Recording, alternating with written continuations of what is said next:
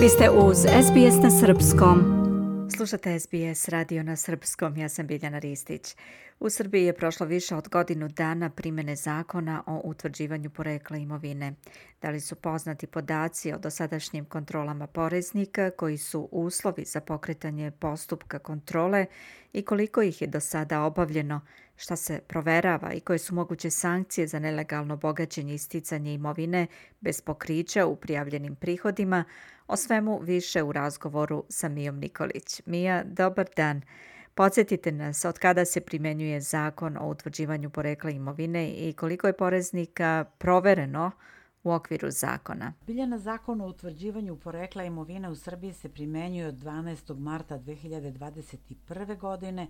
Do sad su obrađeni podaci o imovini i prihodima za više od 1,2 miliona fizičkih lica pod lupom poreznika i 13.000 onih čija je imovina daleko veća od prijavljenih prihoda. U Poreskoj upravi tvrde da se zakon primenjuje na sve građane bez izuzetaka i bez obzira na profesiju, pa tako i na estradne umetnike, sportiste, biznismene. Direktorka Poreske uprave Dragana Marković naglašava da je sprovođenje ovog zakona veoma složen i kompleksan postupak koji zahteva vreme i to ilustrije činjenicom da su tokom trogodišnje primene sličnog zakona u Velikoj Britaniji okončana samo tri postupka – Objašnjava da Poreska uprava utvrđuje uvećanje imovine na osnovu podataka kojima raspolaže i podataka prikupljenih od drugih državnih organa, firmi ili građana o njihovoj imovini i prihodima. Prema njenim rečima, uslov za pokretanje postupka kontrole je da se u prethodnom postupku učini verovatnim da najviše u tri uzastopne kalendarske godine građanin ima razliku između uvećane vrednosti imovine i prijavljenih prihoda u iznosu većem od 150.000 evra.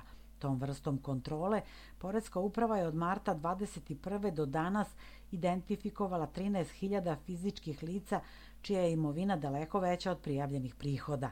Od izdvojenog broja građana primenom definisanih kriterijuma rizika, a to su iznos razlike uvećane vrednosti imovine i prijavljenih prihoda, godine starosti i delatnost, izdvajaju se građani koji su u fokusu dalje grada poreskih inspektora, kaže Marković.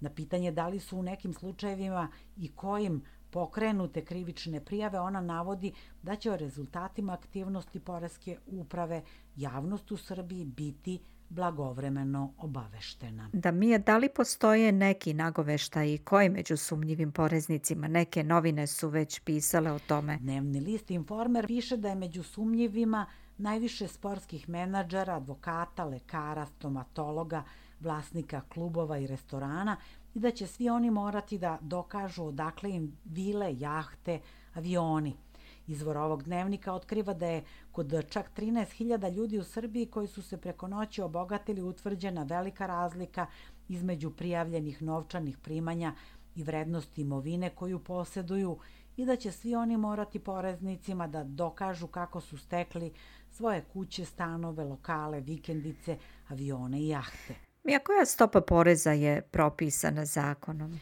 Zakonom o utvrđivanju porekla imovine i posebnom porezu propisana je stopa posebnog poreza od 75% kojom se oporezuje uvećanje imovine za koju vlasnik ne može da dokaže da je stečena na zakonit način. Ako se u postupku dokaže da postoje sumnje na izvršenje krivičnog dela, potrebne informacije se dostavljaju Ministarstvu unutrašnjih poslova, Poreskoj policiji, tužilaštvu i drugim nadležnim organima. Ukoliko potom sud utvrdi da je imovina stečena krivičnim delom, fizičkom licu bi mogao da bude oduzet celokupan imetak, a zaprećena i zatvorska kazna. Ko dolazi pod lupu Poreske uprave? Navodi se da pod lupu poreznika dolaze oni koji stilom života pokazuju da su se naglo obogatili, zatim se posebno na osnovu podataka iz Narodne banke Srbije, Poreske uprave i lokalnih samouprava upoređuju podaci o prihodima i imovini tih ljudi. Ukoliko se utvrdi da se u roku od tri godine imovina uvećala u odnosu na prihode za više od 150.000 evra od vlasnika, će se tražiti da dokažu poreklo razlike u imovini. Ako to ne učine, na tu imovinu platit će porez u visini od 75 od 100 njene procenjene vrednosti, a nelegalno bogaćenje povlači mogućnost krivične prijeve oduzimanja i zatvorske kazne. Mije šta se sve proverava? U postupku kontrole provere se odnose na nepokretne stvari, finansijske instrumente, udele u preduzećima, opremu za obavljanje samostalne delatnosti, motorna vozila, brodove i avione, štedne uloge i gotov novac, kao i druga imovinska prava. Kad bi se moglo očekivati prva rešenja? Zbog složenosti kontrole, sporog dokazivanja i opreznosti u postupku, Poreska uprava Srbije ne želi da spekuliše sa rokovima kad bi se mogla očekivati prva rešenja o eventualnoj naplati posebnog poreza od 75% ili oduzimanju imovine i naglašavaju da im treba vremena, a da će sve biti sprovedeno u skladu sa zakonom. Uzbunjivači su još tokom procesa usvajanja zakona upozoravali na slučajeve zloupotrebe imovine. Podsjetite nas. Mreža za istraživanje kriminala i korupcije KRIK je još s početka primjene ovog zakona ukazivala na neke slučajeve o kojima je pisala, a koji bi trebalo da privuku pažnju nadležnih, poput imovine ministara Ciniše Malog i Aleksandra Vulina, kao i kuma predsednika države Nikole Petrovića i sudije apelacionog suda u Beogradu Zorana Savića. U tekstu da li će pod lupom biti tetka iz Kanade i 24 stana u Bugarskoj, Krik podsjeća na reči Siniše Malog, čije ministarstvo nadležno za primjenu ovog zakona, da će njime konačno da se uvede red u zemlji i naglašava da je mali upravo jedan od onih čija imovina zahteva posebnu pažnju nadležnih. Otkrića Krika pokazala su između ostalog da je on raspolagao keš novcem nepoznatog porekla, da je kao direktor dve offshore firme na Devičanskim ostravima kupovao apartmane u Bugarskoj vredne više od 5 miliona evra, ali je bio osumnjičen i za pranje novca.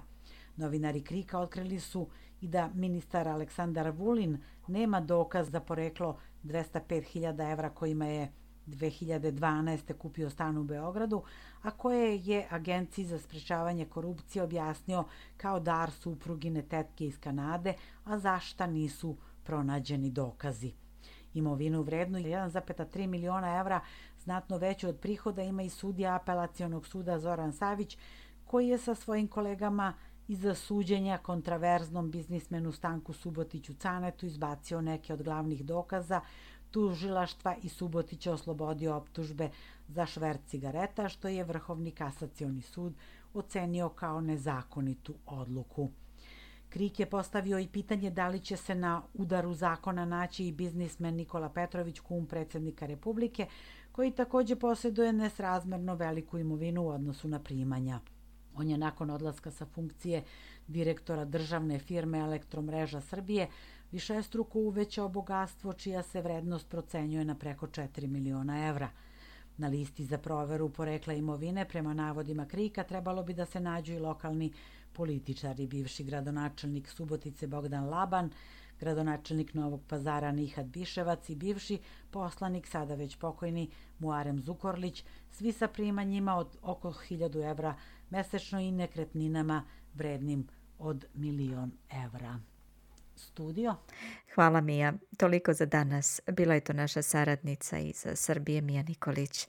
Slušate program na srpskom. Ja sam Biljana Ristić. Želite da čujete još priča poput ove? Slušajte nas na Apple Podcast, Google Podcast, Spotify ili odakle god slušate podcast.